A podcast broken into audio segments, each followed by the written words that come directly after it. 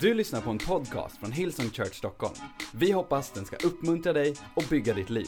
För att få mer information om Hillsong och allt som händer i kyrkan, gå in på www.hillsong.se. Vi har titel på dagens predikan. Södra, vakna till. Tycker ni applåderar dåligt där nere i södra? Come on! Om ni vill ha en titel på dagens predikan så heter den Stanna inte i mitten. Eh, Vi går ett program idag klockan tre om eh, Hillsong. Och eh, eh, de, för att spetsa till det så kallar de det eh, megaförsamlingen och succéspastorn. Jag antar att de inte varit hemma hos mig på måndagar. Då är det ingen som, som känner någon success någonstans. Men, men det är vad det är. Och där har de klippt ut ett, det är väl vad det är det programmet, men där har de klippt ut, nå, hittat något citat när jag säger att jag hatar jantelagen. Och det drar de upp så det bara ekar i, i, i, i där i, och, och, och spetsar till det lite. Men, men det gör inget, för det gör jag.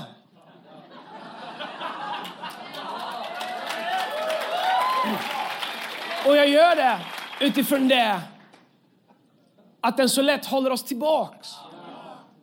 Att vi har så svårt att fira varandras vinster, att vi har så svårt att glädjas åt Guds välsignelse i varandras liv. Att jag, jag menar liksom inte liksom, det är något besserwisser-sätt. Eller liksom, jag säger inte det från någon slags upphöjd position. Jag säger bara att vi lever i ett klimat där vi har så svårt att glädjas åt att det går bra för andra människor. Glädjas åt Guds välsignelse. Och eftersom vårt liv är i säsonger. Ibland är jag i dödsskuggans dal och du är på toppen av berget.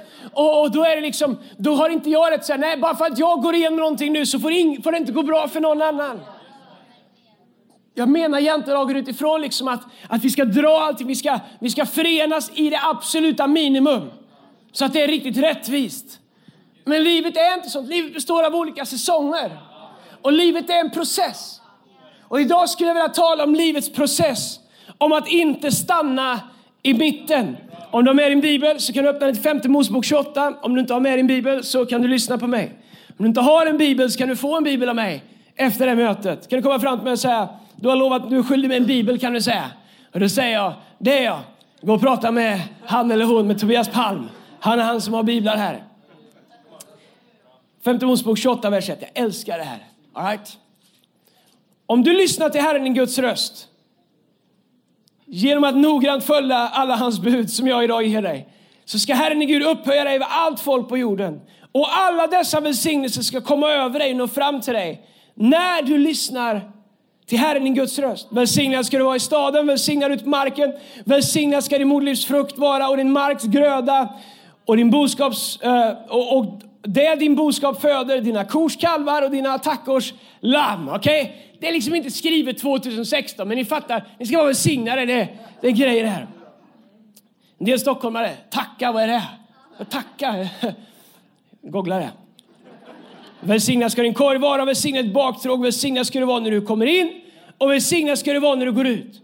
När dina fiender reser mot dig ska Herren låta dem bli slagna inför dig. På en väg ska de dra ut mot dig, men på sju vägar ska de fly för dig. Herren ska befalla sin välsignelse och vara med dig i dina förråd. Och i allt det du företar dig ska han välsigna dig i det land som Herren din Gud ger dig. Herren ska upphöja dig till ett heligt folk åt sig, så som han med ed har lovat dig. Om du håller Herren din Guds bud och vandrar på hans vägar vandrar, inte står på hans vägar, men vandrar, rör dig framåt. Och jordens alla folk ska se att du uppkallar efter Herrens namn och respektera dig. Herren ska ge dig överflöd av allt gott, barn, avkomma från boskapen och gröda på marken i det land som Herren med ed har lovat dina fäder att ge dig. Herren ska öppna för dig sitt rika förrådshus, himmelen, för att ge regn i rätt tid åt ditt land och välsigna alla dina händers verk. Du ska ge lån åt många hedna folk, men själv ska du inte låna av någon. Herren ska göra dig till huvud och inte till svans. Du ska bara vara över och aldrig vara under om du lyssnar till Herren din Guds bud som jag idag ger dig för att du ska hålla och följa dem. Vik inte av varken åt höger eller vänster från något av de bud som jag idag ger er så att du följer andra gudar eller tjänar dem. Men om du inte lyder Herren din Guds röst och inte håller fast vid det och följer hans bud och stadgar som jag idag ger dig så ska alla dessa förbannelser komma över dig och nå fram till dig. De här verserna, och sen så går du vidare. De här första verserna talar om Guds intention att välsigna dig. Men det finns två saker som hela tiden finns invävda i de här välsignelserna. Det ena är att eh, om vi följer det som Gud har sagt. Gud säger att hans välsignelser kommer med principer. Om vi bygger våra liv på Guds principer så producerar de välsignelser. Vi kan inte bygga våra liv på det som inte är Guds välsignelser och sen så bara rycka ut och säga Gud har sagt att du ska välsigna mig. Han har sagt om du nu håller alla dessa om du nu följer mig. Okej, okay. det andra som det här talar om är ett ord som återkommer hela tiden är vandrar. Om du vandrar med mig. Vad är det han säger? Om du rör dig framåt. Om du fortsätter att röra dig med mig framåt. Här är vår största utmaning. Vår största utmaning är att vi så ofta vill stanna i mitten. I mitten av vad då? Well, Gud har lovat att vi ska leva i hans välsignelse. Men varför finns det stunder av utmaning, stunder av sorg, svårigheter i livet? Första Mosebok kapitel 8, vers 22 står det så här. Så länge jorden består ska sådd och skörd, köld och värme, sommar och vinter, dag och natt aldrig upphöra. Älskar den engelska översättningen från Genesis, första Moseboken, samma ställe, 8.22. While the earth remains, seed time and harvest, cold and heat, winter and summer, and day and night shall not cease. Den säger att så länge jorden finns kvar så kommer seed time and harvest. Tre väldigt viktiga incitament i vår vandring med Gud. Seed, time and harvest. Det är som att vår vandring består repetitivt av tre delar. Sådd, tid och skörd. Och, och alltid kommer vi befinna oss på en av de områdena. Ibland på olika områden av våra liv befinner vi oss på olika av de här tre. På ett område i vårt liv kan vi vara i, en, i, en, i en säsong av sådd. Medan vi på ett annat område i våra liv är på en säsong av skörd. Medan vi på ett annat område är mitt emellan. Där det bara är tid. All right? Sådd, väldigt konkret. Vi sår. All right? Skörd, väldigt konkret och väldigt underbart. Tid, är det någon mer än jag som har problem med det? Tid. Det är ingenting. Det är mitt emellan någonting som vi gör, sår, och någonting som vi får, skörd. Men om vi hoppar över det som är emellan så kommer vi aldrig komma till skörd. Det är det som är problemet. När Gud har tänkt att vi ska gå från sådd genom tid till skörd. Det är det som är problemet när vi stannar i mitten, när vi stannar i tid och när vi börjar säga att det här är vad Gud är. Nej, det här är inte vad Gud är. Det här är bara tiden mellan våran sådd och mellan våran skörd som väntar. Men när vi bygger bo i tid, i mitten, mitt emellan, när vi stannar här så lever vi vare sig i sådd eller i skörd och till slut så måste vi börja anpassa våran gudsbild till någonting som är fruktlöst, till någonting som inte bär någonting, till någonting som är sterilt, som inte är produktivt, som inte ger liv till någonting, som bara är en väntan medan det vi har sått ska förvandlas in till skörd. Så den här predikan handlar om att stanna inte i mitten. Sådd, tid och skörd.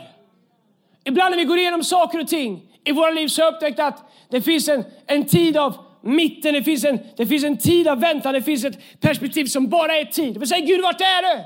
Och han är, han är där. Men ibland vore frågan bättre fråga Gud, vart är jag? You're on time. Vi säger Gud, vart är du? Och Gud säger I'm on time. Eller ännu bättre, I'm in time. Han är i tiden. Tiden mellan sådd och skörd. Gud är alldeles närvarande, så han är på alla ställen samtidigt. Men vi har så svårt att, att, att kunna tänka på något annat än där vi för tillfället existerar. Därför har vi så lätt att göra om vår gudsbild till den säsong som vi är i. För att det glapp som uppstår mellan vart vi är, mellan vem Gud säger att han är och vad han har lovat, för att vi ska kunna få ihop det glappet, så är det så lätt för oss att dra ner vår gudsbild, dra ner Guds ord, förändra hur vi ser på saker och ting för att kunna hantera det faktum att det ibland finns smärta i, i, i väntan. Att det ibland finns sorg i tiden mellan sådd och skörd. Att det ibland finns förvirring, att det ibland finns liksom frågor som inte kommer få svar på förrän vi kommer till skörd.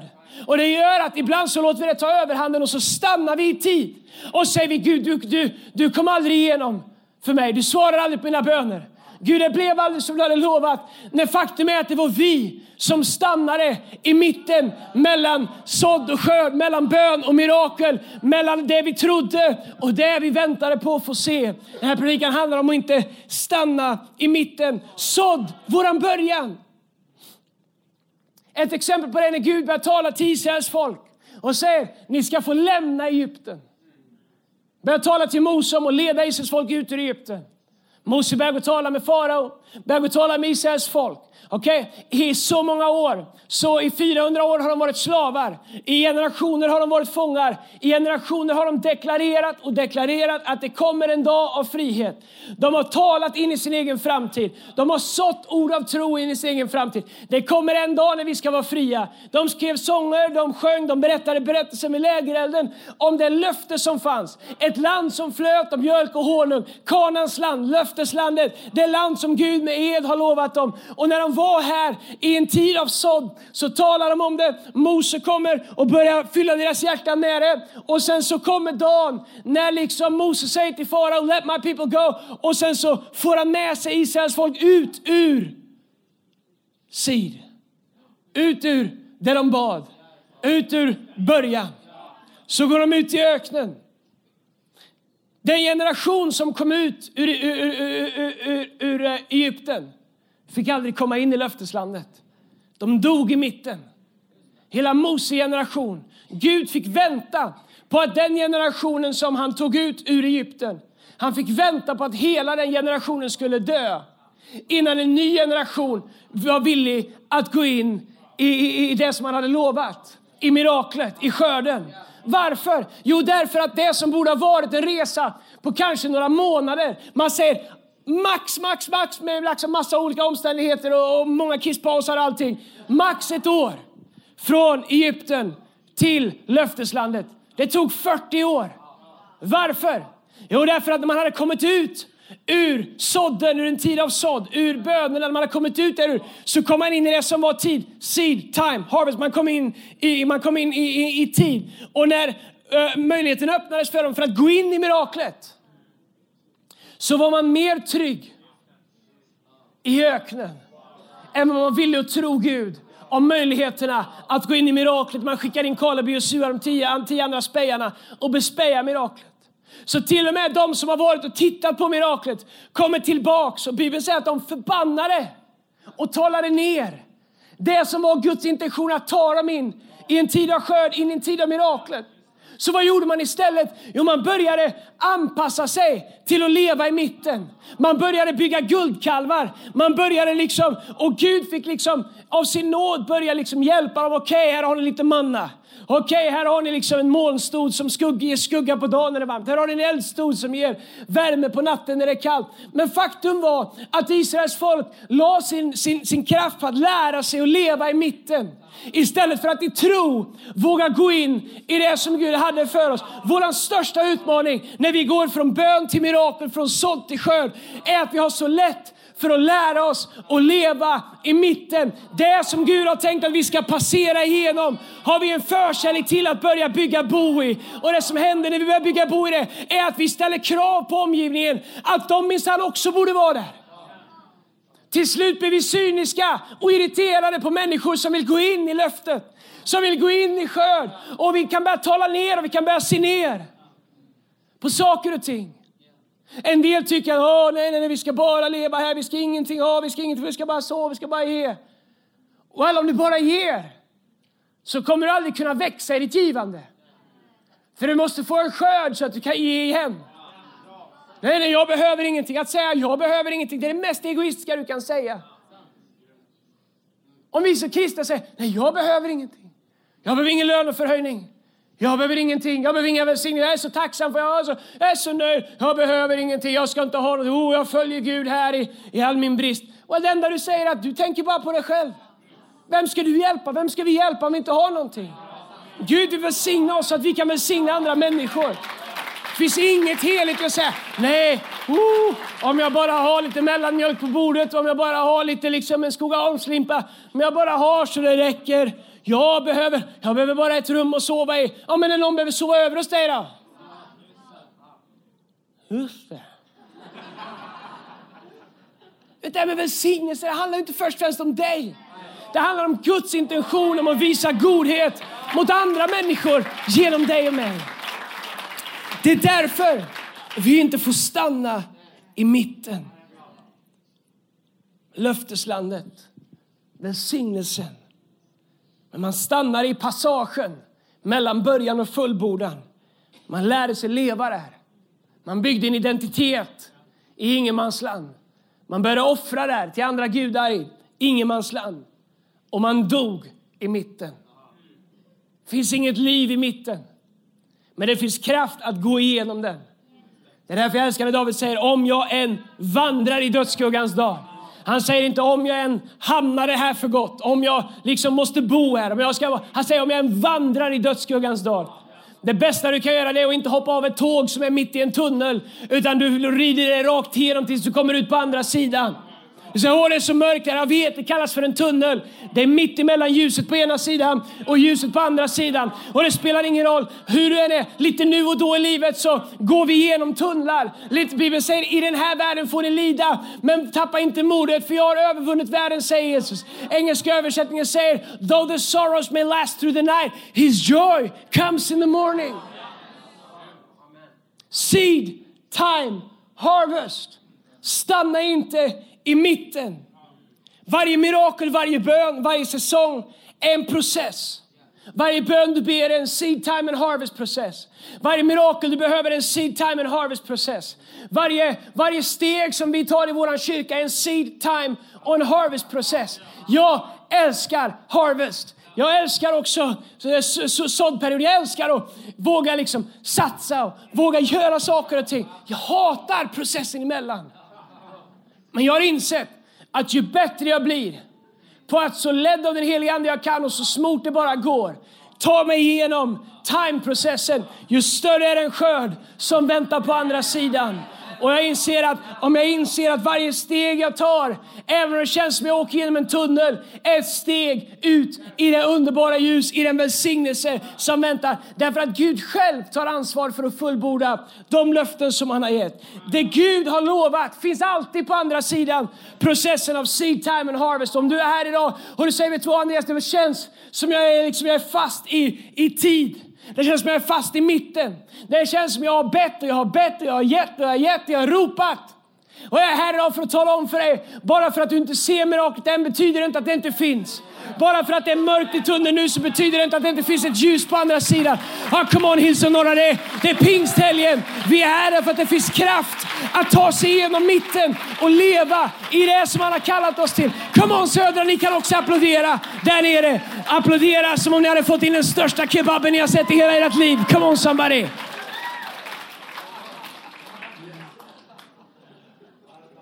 Med både vit och röd sås. Tigge, ingen kebab för dig, det kan bli förbön på kvällsmötena. Men hur överlever man tiden mellan sådd och skörd? Hur går man igenom den starkt? Well, jag skulle vilja dela några saker med dig som är väldigt färska för mig.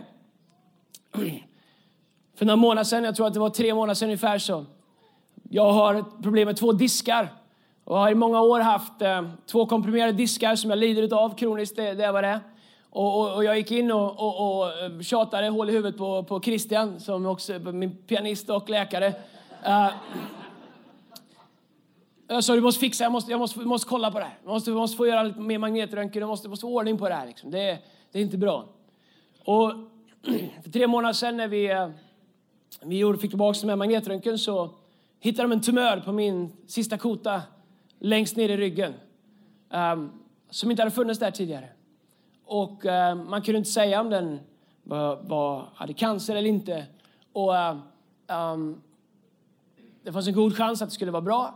Men uh, vi, det är ju inga besked som man får varje dag. Och under de här tre månaderna som har varit så bestämde jag mig för att bara dela det med några få människor. Ehm, och jag bestämde mig för att dela den kamp som för mig har varit med ännu färre människor. Det sista jag ville det, det är att jag skulle oroa kyrkan eller oroa människor. Eller. Jag berättade inte för mina barn, jag berättade för min fru men har på bästa sätt försökt gömma det är och bära det beskedet, till och med för min fru.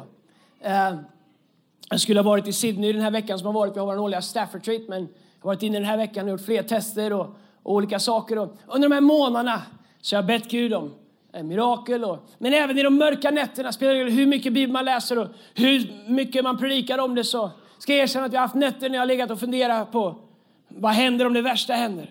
Vad händer med huset? Hur ska det gå med Lina? Hur ska det gå med barnen? Hur ska det gå med kyrkan? Hur ska det gå med det? Vad blir det av det? Uh, uh, lite nu och då så uh, har jag tagit bilen och åkt ut och åkt för mig själv och försökt processera att leva i mitten mellan ett besked och mellan det som man står i tro för.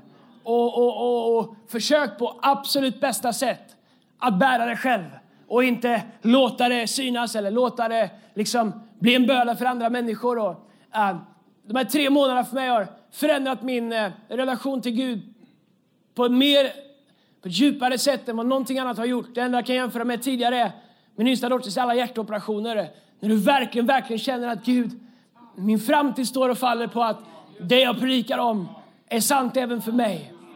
Och long story kort, när man är i tid så finns det ofta någonting som är väldigt frustrerande. Att man kan inte påverka alltid hur snart tiden, liksom i vilken takt tiden går. När man är i tid så är man ibland liksom, man är tvungen att överlämna sig åt en process som man inte själv styr över. Är man som jag, lite smått liksom gillar att ha lite koll på grejer, så är det väldigt, väldigt svårt. Väldigt, väldigt frustrerande. Jag är så oerhört tacksam. Vi var i, i fredags, så, eller i onsdags kväll sent, så jag gjorde en till ny, nya undersökningar, nya röntgen. Och I fredags så var jag och käkade lunch med Christian och jag fick det fantastiska beskedet att äh, det, det, det finns ingen cancer i min tumör i Jesu namn. Vilket jag är oerhört glad för. Men det var det men jag vill att du ska veta att det vi predikar här uppe och som pastor så vet jag vad så många i vår kyrka går igenom. Det vi predikar här uppe, det vi predikar i vår kyrka av tro, när vi säger att det finns en andra sida, när vi säger att det finns en välsignelse. Även om jag har haft saker i mitt liv som har blivit som jag har bett om. Jag har haft saker i mitt liv som inte har blivit som jag har bett om. Jag har, vi, vi har barn som väntar på oss i himlen fast vi bad andra böner. Jag har dotter jag har lagt på operationsbordet flera gånger fast jag bett andra böner. Jag vet att ibland blir det som jag ber, ibland blir det inte. Det enda jag vet, det är att det enda sättet att fortsätta att gå med Gud är att trust the process. Att lita på Guds process. För mig kommer det ner till, till så här enkelt. Antingen är Gud allsmäktig eller så är han inte det. Om Gud är allsmäktig, då ser han saker som jag inte ser. Om Gud inte är allsmäktig, då, då är det liksom ett lotteri vem som får sina böner besvarade. Men om Gud är allsmäktig så måste det finnas ett annat perspektiv som jag här i tid inte alltid kan se, men som jag i tro kan bestämma mig för att en Gud som säger att han har koll på varje hårstrå på mitt huvud, att han har koll på det. I Jesu namn. Ibland när vi går igenom saker och ting så är det enda vi kan göra att hålla fast är det som är sant. Jag skulle vilja skicka med dig bara tre saker om hur vi kan gå igenom processen av tid mellan bön och mirakel, mellan sådd och skörd. Är du redo för det? Nummer ett, låt Guds ord guida dig. Och låt det bli mer än bara en slogan. Låt Guds ord guida dig. Om du inte går igenom någonting just nu så är risken stor att du kanske gör det i framtiden. Eller att du har någon i ditt liv som går igenom någonting. Det är så oerhört enkelt för oss att liksom välja att andra saker än Guds ord ska guida oss. Till och med ibland kan man säga, jag kan liksom inte säga det där bibelordet för det, det är nog nästan för hårt. Och så ibland så, med välvilja så liksom sänker vi vad Gud säger, vad Bibeln har lovat för att vi på något sätt vill att det ska vara lite själavårdande. Men vet du vad, vad jag fann i min egen process? Det är att det mest liksom uppmuntrande och det enda som hjälpt mig att stanna, ha stannat någorlunda liksom sane, även om jag känner att jag haft ögonblick när jag varit på gränsen, det är att jag bestämmer mig för att Guds ord måste vara det som är konstant. Guds ord måste vara det som jag stämmer mitt liv emot, som jag speglar mitt liv emot. Jag måste låta Guds ord guida mig. Psalm 119 och, och vers 105. Förr i tiden när du växte upp i en pingstkyrka så skrev de alltid det i Bibeln och man fick lära sig det tidigt. Och, och en del budord som man har lärt sig tidigt kan förlora sin kraft för det är liksom nästan bara något som man har lärt sig memorera. Men lyssna på det här i psalm 119, 105 och vers 105. Ditt ord är mina fötters lykta och ett ljus på min stig. Hans ord är det som lyser upp våran väg, är det som styr våra fötter. Ibland är det så här med ordet att det är som en ficklampa. Nu har jag ingen ficklampa, jag har en jättestor maglight i min bil. Det har väl alla? Har ni inte det? Man vet aldrig när man kör på något. All right? Eller någon inte växlar fil i tid. Jag skämtar. Ibland när man går i hans ljus så är det som att du har en ficklampa. Och det enda du ser är nästa plats du ska sätta din fot på. Vi önskar att han skulle höja den och lysa upp kilometer fram. Att han skulle berätta hur det är, hur det kommer gå, hur kommer det bli, hur är det sen? Jag vet vår process med Angelina, där man vill veta, Gud hur blir det sen? Fortfarande vill jag veta, Gud hur kommer det bli? Behöver hon mer operationer? Kan hon träna det? Kan det gå varandra på Grönan? Kan hon åka allting? Gud hur kommer det bli? Hur kommer det vara? Hur är det? Men ibland så är det som att Gud bara låter oss se, han säger det som att han säger, det enda du behöver veta, det är vart du ska sätta nästa fot. Och lita på att jag har koll på vägen att jag leder dig på rätta vägen. för mitt namns skull. Men han är våra fötters lykta. Men vad är det som är våra fötters lykta? Det är hans ord. Det är vad han säger. Det är därför som vi inte kan säga Nej, men vi tar lite av det, men det där gillar vi inte. Och vi kan. Det är hans ord som har förmåga att lysa våran väg när vi känner att den är mörk. Hans ord är våra fötters lykta. Låt hans ord guida dig. Även om du bara säger Gud det finns ingenting i mig som förstår Va? hur du kan mena det och jag har det här. Han är fine med det. Gud, orkar, oh, Gud, Gud, Gud orkar att du boxar han i magen lite grann. Oj, oj, oj, vilka ronder jag och Gud går ibland. Han, han pallar det. Han fixar det. Det är inte så, oh, när Andreas är arg på mig, jag tror jag ramlar av min tron. Det är liksom inte så. Förstår du? Han sitter stadigt där han sitter. Han orkar med mina frågor. Men det viktiga är att du landar i Gud, det finns ett glapp mellan vad jag förstår, vad jag tycker, vad jag anser och mellan vad du säger och vad jag ser. Så Gud, jag kommer välja att låta ditt ord guida mitt nästa steg, inte vad jag ser guida mitt nästa steg. För om hans ord inte är mina fötters lykta, det enda som kommer hända då, det är att jag kommer stå så här och säga det är mörkt. Jag vet inte var jag ska sätta nästa steg. Och det enda det kommer göra är att jag kommer bli stående på ett ben, fast i mitten.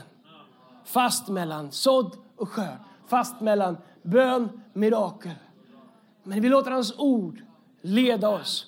Så även om det bara är ett steg till vi ser, så kommer det alltid finnas ett steg till att ta i Jesu namn. Hebreerbrevet 13.8, ett av mina favoritställen. Det är ett av de bibelord som du kan tatuera om du inte har så stora muskler. Eller ett av de kortare verserna som finns att göra. Är du välbyggd kan du tatuera in hela psalm 119, det är över 100 versar. En ryggtavla kanske.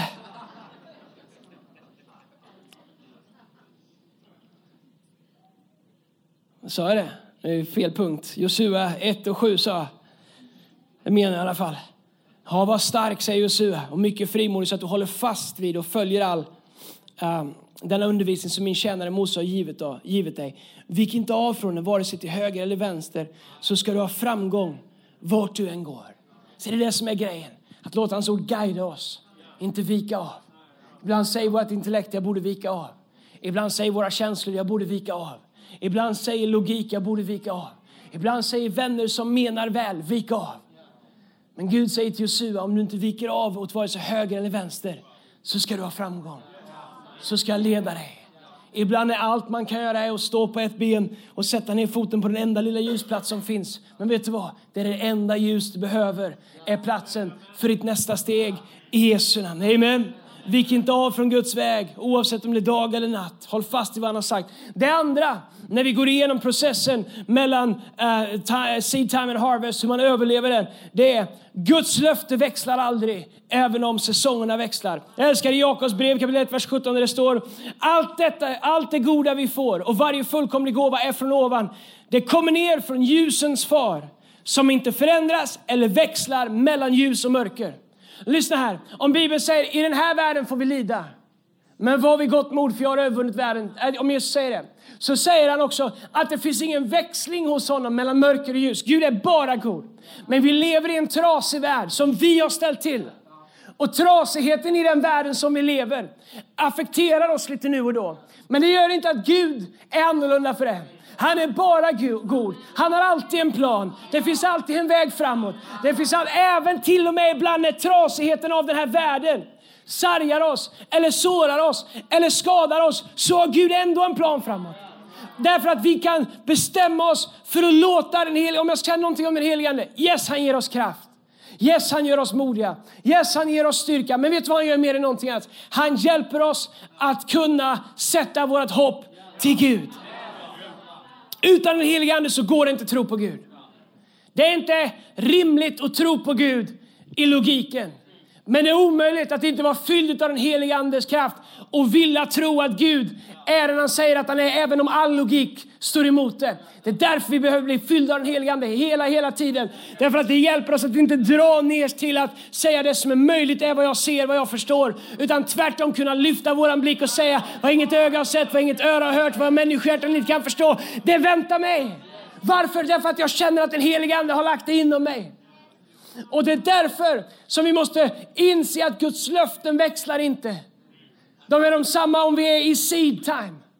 Hans löften är de samma om vi är i tiden när vi väntar eller om vi lever i mirakel. Gud är densamma. Det finns ingen växling mellan ljus och mörker, mellan gott och ont. Han är densamma. Livet växlar mellan ljus och mörker, men Gud är alltid god genom livets alla säsonger. Och om vi fortsätter att gå så kommer han leda oss in i det som han har lovat i Jesu namn. Gud är alltings början och han är alltings slut. Och han upprätthåller oss på alla våra steg genom hela den resan. Det tredje och det sista är att lita på att Gud är allsmäktig. Lita på att Gud är allsmäktig. Välj hans allsmakt. Välj att Gud har all makt. Jesus säger åt mig har givits all makt på himlen och på jorden. När Jesus är på berget, heligan har fört honom ut i öknen, så kommer djävulen och försöker fresta honom. Nu säger han, om du bara tillber mig så ska jag ge dig himmelrikets nycklar. Makten på jorden tillhörde inte Jesus. Adam och Eva hade valt att gå bort ifrån den. När Jesus dog tog han tillbaks den. Inte för sig själv bara, utan för oss. Och Jesus säger, åt mig har givits all makt i himlen och på jorden. Det innebär att han har makt över alla områden i våra liv. Det innebär inte alltid att vi förstår hur Gud leder, men det innebär att han har all makt. Det innebär att han som har startat ett gott verk, att han är trofast och rättfärdig och fullbordar det inte Kristi dag. Det innebär att han som startar någonting också har en plan för att fullborda det. Om vi kan trust him in the middle. Säg Bibeln i Uppenbarelseboken kapitel 11, vers 17. Vi tackar dig, Herre Gud, allsmäktig. Du som är, som var. För att du har tagit makten, din stora makt, och nu är kung. Det är en bekännelse. Jag älskar bekännelse, kraften i bekännelse. Oh, låter amerikanskt? Nej, det låter bibliskt. Kraften i bekännelse. Jag älskar bekännelse. Jag älskar att vi kan titta på Bibeln och säga att jag är vad Guds ord säger att jag är. Vi kan titta på våra omständigheter och säga mina omständigheter är inte vad, vad Bibeln har lovat. Så jag kanske är i time. Men jag är vad Guds ord säger att jag är. Jag har vad Guds ord säger att jag har. Jag kan göra vad Guds ord säger att jag kan göra. Så vi behöver inte titta på våra omständigheter och säga jag är vad jag kommer ifrån. Jag är vad jag har förutsättningar till. Jag är vad jag har lyckats med. Det är inte vad jag har lyckats med. Jag är vad Gud säger att han har skapat mig till att vara. Jag har vad jag har. Jag har det jag har. Man får vara nöjd med vad man har. Nej, jag har vad Guds ord säger att jag har. Han säger att vi har söner och döttrars rättigheter att komma med barnaskapets ande inför Gud och be om vad som helst. Så har han lovat att ge oss det om våra hjärtan inte fördömer oss, vilket innebär att vi har en rätt bild av vem Fadern är. Han är allsmäktig. Han nekar inte sina barn någonting i hans time och som är gott. Vad vi förstår vem Gud är, de två paradoxerna kan bara överbryggas med en bekännelse och ett beslut om att Gud är allsmäktig. Vägen att ta mig från vad jag, min gudsbild utifrån vad jag förstår till vad Bibeln säger att Gud är kan vi bara ta oss genom ett beslut där jag tar av mig hatten, bugar mig och säger Gud, du är allsmäktig. Glappet mellan mig och dig kommer jag aldrig förstå, så jag överbryggar det med trust. Jag överbryggar det med förtroende. Jag överbryggar, överbryggar det med efterföljelse. Jag vet att även om jag inte kan se allting härifrån till dig så vet jag att du har allting i din hand ifrån dig och till mig. Att du aldrig lämnar mig, att du aldrig överger mig. Så stanna inte kvar i mitten när Gud har börjat ta dig på en resa. Jobb han skriver i 8 kapitel vers 5 så står det så här. Men om du söker Gud och ber den allsmäktige om nåd. Om du är ren och rättsinnig, då ska han vaka över dig och göra din rättfärdighets boning trygg. Om än din börjar ringa så ska du till sist bli mycket stor. Jobs resa är fascinerande. Han säger om du än börjar litet, du kanske står där med ett litet frö och säger Gud vad ska du göra med det här? Gud vad ska du göra med en längtan och dåligt självförtroende? Gud vad ska du göra med en dröm med en brusten bakgrund? Gud vad ska du göra med min längtan att få starta någonting? Gud vad ska du göra med mig? Och du kanske tittar på ditt liv och du tycker Gud vad, vad ska du göra i mitt liv? Vad har jag? Så säger Gud att även om det är ringa så kan han göra till någonting stort. Bibeln säger förakta inte den lilla början. Vet du vad, jag är övertygad om att Gud han gläder sig mer i början än i slutet. Vi gläder oss i välsignelsen. Gud han gläder sig när vi börjar så. När vi börjar ta ett första steg. Gud han gläder sig i början. Gud han är a God of beginnings, han är God of new beginnings. Han gläder sig när vi vågar börja och han gläder sig när vi vågar fortsätta. Vi firar bara välsignelsen. Vi lever i en värld som säger att om det inte är välsignelse så är det ingenting. Om det inte är framgång, om det inte är success, om det inte går att instagramma, om det inte går att tweeta, om det inte går liksom, om det inte går att skryta med, då är det ingenting. Men vet du vad? Gud, han, jag lovar att Gud han är mer intresserad av vad vi gör när vi ska börja så. Han är mer intresserad av vad vi gör medan vi väntar på att han dukar ett bord för oss dit vi är på väg. Vad vi gör i tiden mellan sådd och skörd, i tiden mellan seed and harvest. Vet du vad? Gud han är en Gud som följer dig på alla vägar. Eller tvärtom, Gud är en Gud som du kan följa på livets alla vägar. Som alltid kommer leda dig till det som han har lovat i Jesu namn. Om än din början ringa så ska du till sist bli mycket stor. Vet du vad det är? Process. Gud är en Gud av process. Processen av frälsning. Han räknar inte sin tillvaro som segerbyte. När han lämnade sin tillvaro som kung, kom ner hit och blev alla tjänare, föddes i en stall, höll på att bli ihjälslagen första, det första som hände. Växte upp 30 år, process, 30 år. Inga mirakler, inga mirakler. 30 år in så började han göra mirakler. Tre år senare så har han vänt upp och ner på hela världen. Vad är det? Det är process. Ibland säger vi, Gud nu har jag bett tre gånger och inte fått svar. Process. Hela Jesu liv var en process. Man brukar likna Jesu liv och den processen vid frikyrkoungdomars process. Att Jesus och frikyrkoungdomar är väldigt lika. De bor hemma tills de är 30 och om de gör något så är det ett mirakel. Jag vet inte om det är sant. Men alla föräldrar sa. Nej, ditt liv är en process. Stanna inte mitt i processen. Hoppa inte av i tunneln. Hoppa inte av när du är in time. Följ med Jesus genom processen. Här är vad vi ska göra. Lovsteam ska komma upp. Du har lyssnat till en podcast från Hillsong Church Stockholm. Om du vill veta mer om vår kyrka eller om våra söndagsmöten, surfa in på www.hillsong.se.